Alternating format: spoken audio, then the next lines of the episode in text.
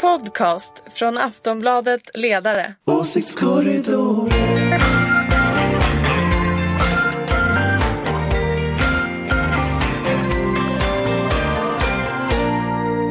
Hej och välkommen till Åsiktskorridoren. Det är måndagen den 25 maj i coronans år 2020 och det börjar likna försommar här i Stockholm. Vi är inne på vecka 11 av hemmasittande och även om kurvorna går neråt så tyder ingenting på att vi snart kommer få gå tillbaka till våra arbetsplatser, vi som inte måste vara på plats. Eh, när jag skrev det här så hade 3998 svenskar dödats av viruset, vilket tyvärr betyder att vi idag när eh, Folkhälsomyndigheten håller sin presskonferens kommer passera den sorgliga 4000-gränsen för dödsfall. Eh, 33 459 är konstaterat smittade och idag eh, kom ny statistik som visar att arbetslösheten i vårt land nu ligger på 8,2 procent. Vi ska förstås prata om coronan eh, och den debatt som förs om den svenska strategin, men vi ska också ta upp gamla klassiska höger-vänster-frågor. Det känns som mammas gata och skönt att komma hem. Nämligen eh, det förslag om förnyad arbetsrätt som har läckt ut och så lite grann om, eh, om de privata välfärdsföretagen. Hotas de i coronapandemins efterbörd? Ett konstigt ord. Men i alla fall, ni förstår vad jag menar. Med oss idag har vi Ulrika Schenström. Ja, hej! Hej! Du är VD för eh, Fores, en grön och liberal tankesmedja och du är moderat. Jajamän. Och från, Arbe från Arbetarbladet höll jag på att säga igen, från Aftonbladets ledarredaktion har vi Anders Lindberg. Hej hej! Hej hej! Och Lotta Ilona Härjunen. Hallå! Hallå hallå! Vi jobbar inte alls på Arbetarbladet, vi jobbar på Aftonbladet, det gör jag också och jag heter Anna Andersson. Eh, vi ska börja med att prata om coronan. Eh, Sverige har ju som vi har gått igenom många gånger här delvis gjort andra val eh, när det gäller strategi för att bekämpa pandemin. Och det här har ju förstås väckt intresse och debatt både i och utanför Sverige. Här hemma så menar en del att den gamla åsiktskorridoren har visat upp sin allra sämsta sida och att folk som har varit kritiska mot den svenska strategin brännmärks i debatten och att det är ovanligt hetskt. Tycker ni att det ligger någonting i det? Är det en ovanligt hätsk debatt? Nej. Nej. Inte ovanligt hetsk, men det är klart att det finns ju de som har ganska höga brösttoner så att säga från det ena och det andra hållet. Och jag tror att väldigt många av dem som kanske kritiserar den svenska eh, modellen, jag får en känsla av att många av dem är ganska rädda, skulle jag säga. Och, och att det därför kanske blir en hög ton. Du menar att det skulle handla om eh, personlig rädsla? Nej, men man kan vara rädd för sig själv, inte för sig själv, att man själv är sjuk. Inte att man är rädd för sig själv, men, men, men sina nära och kära naturligtvis och, och så. Eh, Men jag, jag märker också att det finns en, en tredje kategori de, och det är de här som eh, leker statistiker nu också. Och de är experter på statistik. Fastän de kanske inte alla ha- har just den adekvata utbildningen. Eh, och sen så har man ju då de som vi har pratat om tidigare, de som har högt tonläge. Jag har ju väldigt många kamrater som har det här höga tonläget. Och ja, jag, jag, jag brukar skicka iväg en bild då, som är en KBT-bild. Vad kan jag påverka och vad kan jag inte påverka? Och eh, det, det blir väldigt arga brösttoner när jag skickar den, men jag försöker ändå hjälpa till för att det, det är klart att vi alla sitter i samma sits här. Men, men när Sverige nu har gjort ett så annorlunda vägval, faktiskt jämfört med i princip alla jämförbara länder, så är det väl inte konstigt att det ställs frågor och väcks kritik? Fast jag tycker inte debatten är särskilt hård. Alltså jag, jag har bara i och för sig bara jobbat på Aftonbladet i tio år. Men under den tiden så har ju debatterna i regel varit mycket hårdare. Eh, Om flyktingpolitiken, om islam, om tiggeriet. Alltså, så, så, så, och det, det är mycket hårdare tonlägen i de debatterna. Jag tittade på det där, de här exemplen som togs upp när folk påstod att det var en åsiktskorridor. Så där ser liksom en vanlig vecka ut på Twitter tycker jag. För väldigt många av oss. Eh, Fast och är det inte my- du ovanligt hårdhudad då? Du som liksom är i debattcentrum nästan hela tiden. Det kan vara så och det kan vara så att det är det som liksom är grejen här att det här är människor som har rört sig i en annan typ av miljö som kliver ut i en offentlighet som ser ut på det här sättet. Men jag skulle nog hävda att den har sett ut på det här sättet ganska länge. Och påstå, och sen, sen, sen är det ju så de här kritikerna har ju tagit i något så fruktansvärt. De kallade liksom Anders Tegnell för tjänsteman utan talang och de pratar om att vi får Italiens dödssiffror och såna här saker där, som ju har visat sig vara helt fel sen. Eh, men, men, eh, Men inte per capita. Än så länge. Nej, fast man räknar ju inte per capita. Det är ju det här som är grejen. De har ju letat... Alltså först så var alla länder, västländer, jämförbara med Sverige. Sen blev Europa jämförbart. Nu är det bara Norge som vi kan jämföra oss med. Alltså den här liksom cherrypickingen av statistik har ju liksom ändrats över tid. Nu är det per capita och det är för att det är det som visar att Sverige misslyckas då. Eh, men jag får mycket mail så här. Hur kan du säga att Sverige har lägre dödstal än New York? Ja, därför att vi har lägre dödstal än New York. Alltså Sveriges 4000 döda är inte jämförbart med USAs 100 000. Och, och det där liksom hela det här sättet att hantera statistiken på, det tror jag påverkar och det bidrar till att där, höja tonläget. Men tittar man på själva grunden, alltså vilken överdödlighet har Sverige, så ligger vi någonstans i mitten av västländerna idag. Vi, vi, okay. så. Ja, jag vill höra Lotta, vad tänker du om det här? Jag kan tycka att det blir en sån märklig diskussion Dels är det ju en ganska, alltså man fattar ju det här, så här var det ju liksom i, i, ingen får säga någonting om migrationen i det här landet och så vidare, att det liksom är en ställning som verkar vara väldigt bekväm för många att ta. Och det är svårt att hävda det tycker jag när, när eh, liksom DN lägger etta efter etta på, på kultursidan och, och på, sina debattsif, eh, på sina debattsidor och på ledarsidan på att lyfta just kritik mot den svenska strategin. Det är ändå Sveriges största morgontidning. Så nog tusan får man utrymme att säga saker. Att det är en väldigt skev syn på, på, på vad som är en mycket smal åsiktskorridor. Sen kan jag också tycka att det är märkligt att ja, man själv hamnar ju då helt oombett på något vis i laget försvar, alltså försvarare av den svenska strategin. Och, för, och förvisso gör man ju det på ett sätt, men poängen här är att vi vet inte. Jag skulle, alltså så här, det är klart att det skulle kunna vara lätt för mig också att börja veva med statistik och siffror som jag egentligen vet det här säger inte tillräckligt mycket än. Vi har inte en helhetsbild. Men det finns heller inget alternativ. Alltså vem ska man... Jag, jag lyssnar ju definitivt hellre på Anders Tegnell varje dag i veckan än på någon av de här 22 forskarna som var ute och vevade. Och det är ju liksom för att de, för att de kommer fel siffror och, och, och de var tvungna att backa dagen efter. Um, så... Men man ja, brukar ändå säga... Och, alltså, man, ja, förlåt, ja, förlåt. men jag tycker också att det känns som att man spelar ju ner lite eh, och då ska jag säga att, så att nej, men det är inte som att jag inte heller har blivit kallad dum i huvudet. Eh, eller liksom blivit, blivit så att säga attackerad och, och, jag, och, och, så vidare på, på sociala medier och i min egen inkorg när man har skrivit saker och ting om corona. Utan visst är det en del av debatten och jag håller nog med om att i just den här frågan så är det lugn, har det varit lugnare vågor än i andra Gud, ni är så eh, luttrade. Jag tror det är det. Alltså jag tror Men... inte det faktiskt. För att, för att titta, alltså, det är inte bara DN som är emot strategin. Liksom. Eh, Sveriges Television har ju under, under en period haft nästan så regelbundet att det kommer någon kritiker till tv-rutan och så ska de svara. Det är nästan som en ceremoni liksom. Men är inte det eh, normal med, mediedramaturgi? Att man, man har någonting till som man håller till och Absolut. så vill man men, ha kritiker. Men, men, men man kan, absolut, det är en normal idé. Jag menar, vi, vi till exempel har ju kritiserat äldreomsorgen stenhårt, så menar, det är inget konstigt att det är så. Men man kan inte med den liksom, mediabilden dra slutsatsen att det finns en åsiktskorridor där kritikerna inte får yttra sig. Alltså, man kan inte hävda det när man är i tidningen varje dag, i tv varje dag, i radio varje dag.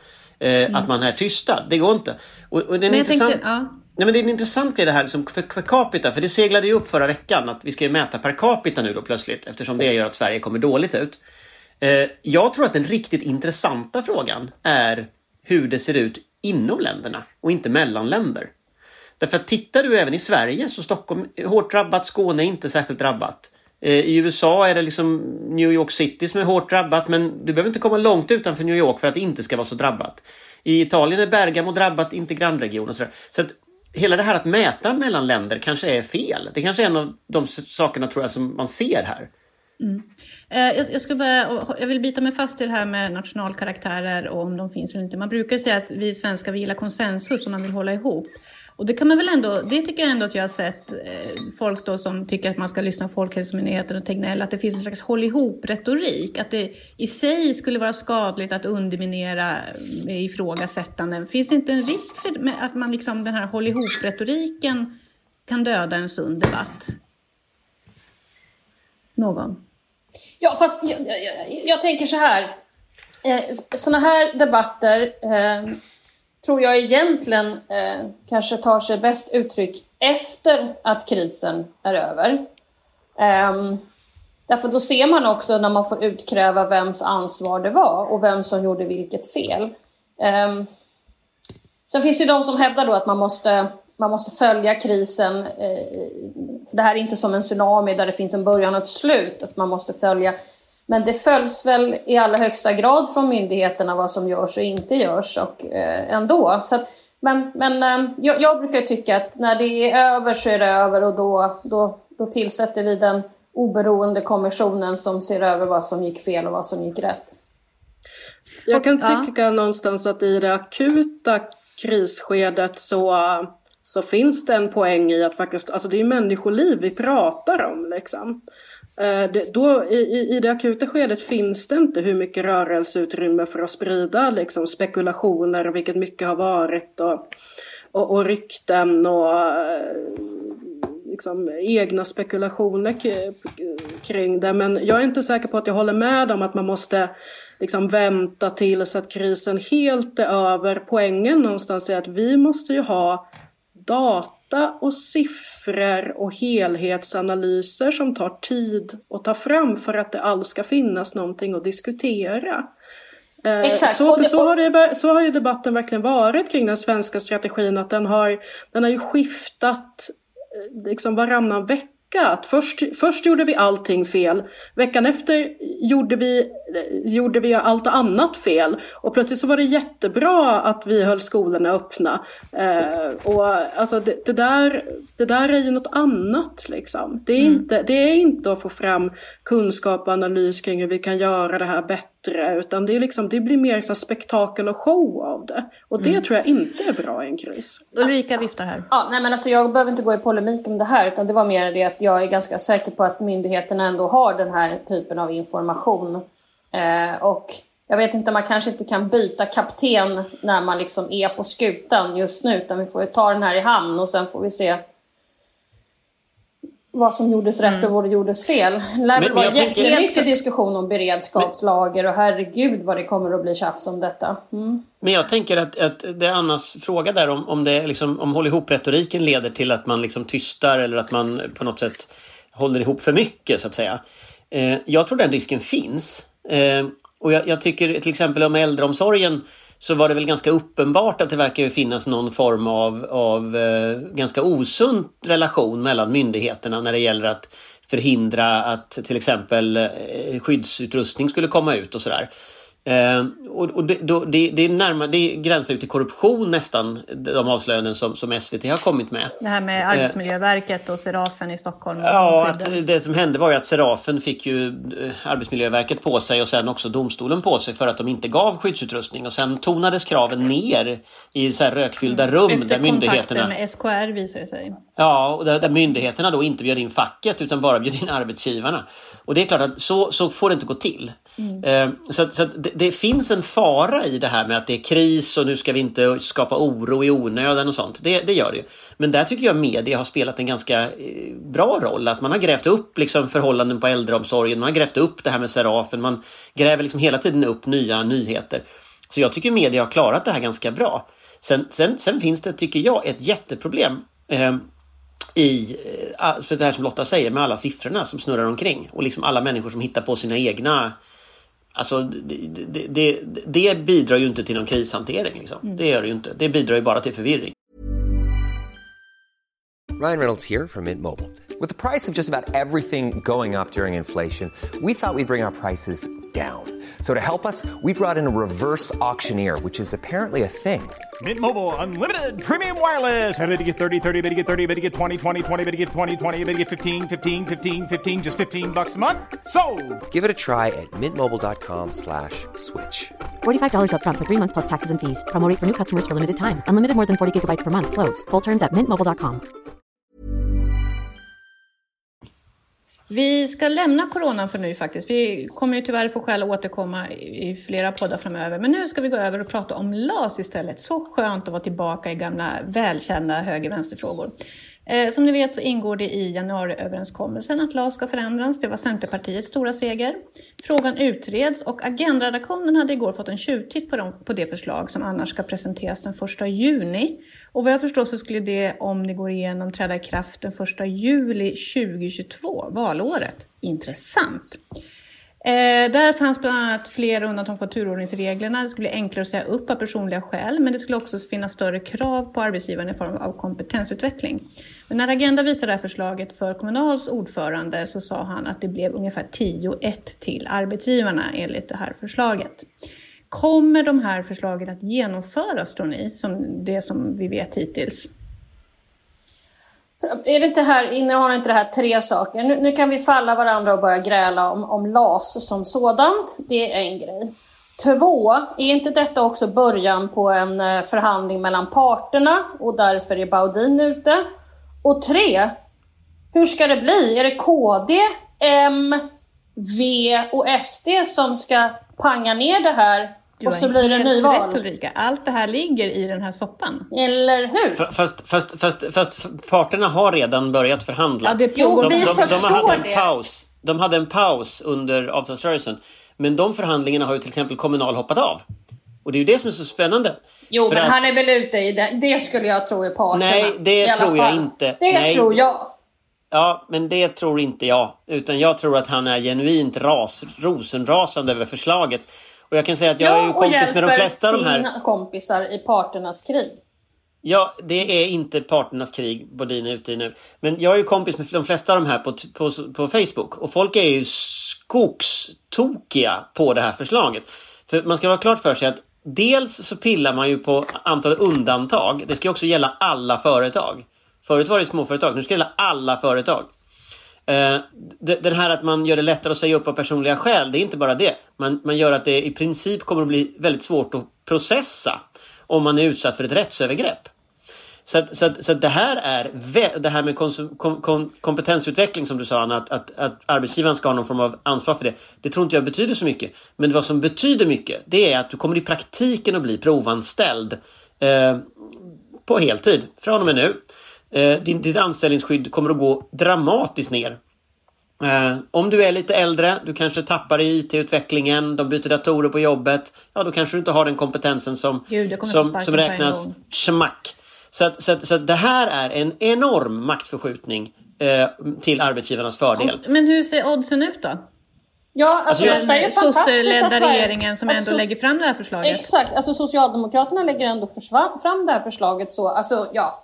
Men är det inte så att det kommer att landa i någon slags förhandling och sen kommer det sluta med att det ändå är små och medelstora företag? Är det inte Du så? tänker en politisk förhandling nu, inte mellan parterna? Nu pratar jag inte parten utan den andra Nej. förhandlingen. Mm. Fast, fast, fast där har du ett jätteproblem om det blir det. Och det är att om du lyfter det från parterna och att politiken ska bli ansvarig för detta och att politiken ska blanda sig i liksom. Då, vad, vad, du, vad du gör i det läget det är ju att du, du kommer ju inte att få några parter som är intresserade av att ta ansvar för resultatet. Och grejen i, i, på den svenska arbetsmarknaden det är ju att eftersom parterna själva tar fram förslag och förhandlar och bygger allting så är de ansvariga. Här skulle politiken ta över och du kan få en, jag skulle säga att du kan få en helt annan typ av konflikter på arbetsmarknaden om du tar bort det här skyddet. Men Anders, måste ju- varför, varför har Socialdemokraterna gått med på att låta det gå så här långt då? Nej, alltså jag tror ju att det är ett misstag att man, att man kompromissade med Centerpartiet från början eh, på, på den här punkten. Eh, Och det finns några punkter i januariavtalet som jag tror aldrig borde stått där. Det här är en. Eh, hyresregleringen är en annan. Och, och jag tror ju någonstans att Arbetsförmedlingen är en tredje. Så att, du har ju så att säga en typ av liberal extremism som du ska genomföra nu i en krissituation. Som kommer att resultera i att du har en jättehög arbetslöshet. Du tar bort anställningstryggheten. Eh, du har en totalt havererad arbetsförmedling. Och du kommer att få högre hyror mitt i allt detta när folk inte har några pengar. Alltså det är en, det är en fruktansvärt Absolut. Klantig situation. vi- vi vet att Så du jag tycker att man borde gått med på det. Men Anders, Okej. vi, vi vet att du tycker det. Men vad ska hända då? För att nu har man ju ändå gått med på det här oavsett om det är corona eller inte. Förlåt innan att jag blev Anders får säga vad han tror ska hända så vill jag höra Lotta. Vad var din reaktion på det här förslaget? eh, att det är skit, får man vara så krass. Um, men jag undrar om det inte är så att um, dels så var det ju, även nu är det ju märkliga tider, men det var ju också märkliga tider när januariavtalet slöts. Så att uh, S i de förhandlingarna möjligtvis kanske underskattade liksom den ideologiska ångvälten som ändå är Centerpartiet någonstans. Eh, och att man nog har hoppats på att man ska kunna gömma det här i utredningar eller skjuta det på framtiden eller på något sätt dribbla bort det. Men reaktionerna har ju blivit hårda, både från liksom, eh, centerpartistiskt och liberalt håll om att hålla i det här. Och reaktionerna har ju blivit ännu hårdare inifrån arbetarrörelsen själv, att det är liksom att hänga ett, ett rött skynke som i princip fräter framför arbetarrörelsen och att det har eh, skakat om hela socialdemokratin tror jag. Mm. Ehm. Och sen har vi ju då som Ulrika nämnde den här ingrediensen att Vänsterpartiet hotar ju gå ihop då med oppositionen för att fälla det här förslaget. Och samtidigt är det väl ett förslag som man på högerflanken borde gilla, alltså M, KD, SD. Eh, så vad är viktigast då för dem? Att den här politiken blir av eller att fälla regeringen? Ja, det är ju det här som är så spännande. Är det det som är på gång att ske, att, att det här högerkonservativa blocket vill, vill, eh, vill eh, med, med ingrediens som Vänsterpartiet eh, vill skjuta ner regeringen? Eh, eller kommer Moderaterna backa på det eftersom man själva har LAS? Ja, ni Men vill väl se den här förändringen? När, var, beror, när, när är det det här förslaget ska hamna på riksdagens bord? Den ändrar ju tidsplanen i det här så att jag skulle säga att det kommer bli till, till sommaren 2021 i så fall då. För, det är det, för att jag undrar om inte utfallet av det där beror på hur nära valet man är. För, för, för, för S, S, kommer ju ha ganska svårt att vinna valet oavsett om det här, um, om det här uh, blir Men, def, definierar mandatperioden. Får jag slänga in en annan fråga i detta och det är ju om det är så att eh, vad S gör. För jag tror att Vänsterpartiets kalkyl bygger på att eh, S kommer att utlysa nyval i det läget att man ser att man, att man eh, förlorar den här frågan. Eh, och det gör Vänsterpartiet bedömningen att de kommer att vinna på. Jag är inte alls säker efter Corona att den kalkylen stämmer. Det kan mycket väl vara så att det är sossarna som har ett intresse av att utlysa nyval. Eh, därför att de har gått upp så pass mycket i opinionen. Eh, medan däremot SD till exempel inte gör det. Moderaterna går ju lite upp men det är ändå ingen jätteraket. Och tittar du på blocken som, som så här helhet så är januaripartierna fortfarande skulle bli regering vid ett val idag. Eh, och, och, så, så jag, inte, jag tror inte man ska vara helt säker på hur liksom den parlamentariska logiken ser ut här. Eh, och, och, säg, ant, anta till exempel att Vänsterpartiet fäller Socialdemokraterna i den värsta krisen sedan andra världskriget som vi har. Eh, vad det får för effekter på väljarkåren, det tror jag man ska vara väldigt undrande om. Så jag tänker, dels så, så vet jag inte om sossarna kommer att utlysa något nyval alls. Och då faller ju det, Vänsterpartiets kalkyl. Då blir ju så att säga, Rein, då blir ju Reinfeldt, höll jag på att säga, då blir Kristersson eh, ny statsminister. Eller så är det så att sossarna helt enkelt konstaterar att vi har ingen majoritet för våra förslag så vi avgår. Och då blir det tillbaka hösten 2021 till eh, Andreas Norlén. Ja, så kanske det blir. Det blir spännande. Vi måste tyvärr hasta vidare för vi har mer på programmet och lite begränsat med tid. Ehm, eh, idag på DN Debatt så skriver fem entreprenörer som de presenteras lite svepande när de kommer från lite olika håll. Eh, där de verkar oroa sig för de privata välfärdsföretagens ställning efter coronan. Eh, man får intrycket av att de är nervösa och eh, de vill därför gå ut och vara lite proaktiva här och säga att för säkerhets skull så borde man gå åt andra hållet och göra lagen om valfrihet obligatorisk i hela eh, välfärdssektorn i hela landet. Har de skäl att vara nervösa? Man tänker den debatt som kommer komma om vård och omsorgsfrågor efter coronapandemin. Handlar det om ägandet? Ulrika? Ja, vi har ju pratat om det här väldigt många gånger i den här podden där, där framförallt jag har tagit upp att jag tror att den här diskussionen kommer att komma efter coronan. Eh, särskilt med tanke på äldreomsorgen och så, eh, så tror jag det kommer att bli. Och det hör jag ju också på eh, sådana som Anders eh, och eh, Daniel Suonen och ja, alla vänsterdebattörer som gärna vill ha upp den här frågan. Och jag har ju sagt det hela tiden att eh, det här måste vi ju Anders ha pratat om i flera år nu. Och det är ju att jag ju tror att det är bättre att ändå se på det som att man måste reglera de här företagen. Eh, och det fanns ju en massa sådana förslag som låg på riksdagens eh, bord. Eh, eh I alla fall i, en ut, i form av en utredning som ju först var Eva Lindström och sen eh, eh, Repalu. Och eh, den, den för, för de flesta så handlade den eh, enkom om eh, vinster i välfärden. Men det handlade ju också om sådana så, eh, enkla saker som att vad har folk för adekvata utbildningar som driver de här bolagen? Vad har ledningsgrupperna för, för utbildning? Och det finns ju massor med sådana. Så det här har jag ju tjatat länge om, om de regleringar som kanske behövs i de här bolagen eh, för att göra ett bra företagande sunt, eh, alla företagandet som sunt, så att säga. Mm. Vad tror du Anders, har, de skäl att vara nervösa? Är deras ställning hotad på något sätt? Jag tror att de ska vara nervösa. Eh, och jag tror att dessutom om det här sen blir så att som det ser ut att bli nu att äldreomsorgen i Malmö som är offentligt klarar sig ganska bra och den i Stockholm som är privatiserad eh, fullkomligt havererar och att tusentals människor dör som en konsekvens av detta. Så är det klart att... Inte det kommer fullkomligt att... haverera vill jag säga. Jo, till faktiskt. Det, det, kan man säga. Det är, spridning de på, det, ah, okay. det är nog faktiskt snart spridning på alla boenden i Stockholmsregionen. Uh, jag vet inte om det är det än, men det är, det är som, som smittspridning betraktat så är det faktiskt en katastrof. När hela poängen i strategin var att skydda de äldre. Uh, så det skulle jag faktiskt säga att det är en total katastrof. Men om det är så att det har gått mycket bättre i Malmö än Stockholm, vilket det just nu ser ut att ha gjort. Då är det klart att då kommer folk ställa frågan varför. Och då kommer de här välfärdsföretagen att ha väldigt mycket problem att svara, tror jag. Eh, sen är det nog så att vi går från en debatt och där tror jag Ulrika har, har en poäng i att det här är någonting som den här, så att säga, den här sektorn skulle ha hanterat kanske tidigare. För jag tror att vi kommer att gå från en debatt som handlar om vinsterna i den här sektorn till ägandet i den här sektorn. Uh, därför att jag tror att allt fler kommer att ställa sig frågan varför vi överhuvudtaget ska ha privata bolag. Om de nu de utnyttjar anställda på ett vidrigt sätt. De tvingar sjuka att gå till jobbet därför att de har så dåliga anställningar. Och sen händer en sån här sak den effekten tror inte jag vi ska underskatta när liksom det sjunker in. Eh, och den diskussionen om ägande tror inte jag de vill ha. Så att de hade nog vunnit på att, så att säga, försöka reda upp det där tidigare. Men jag tror den kommer.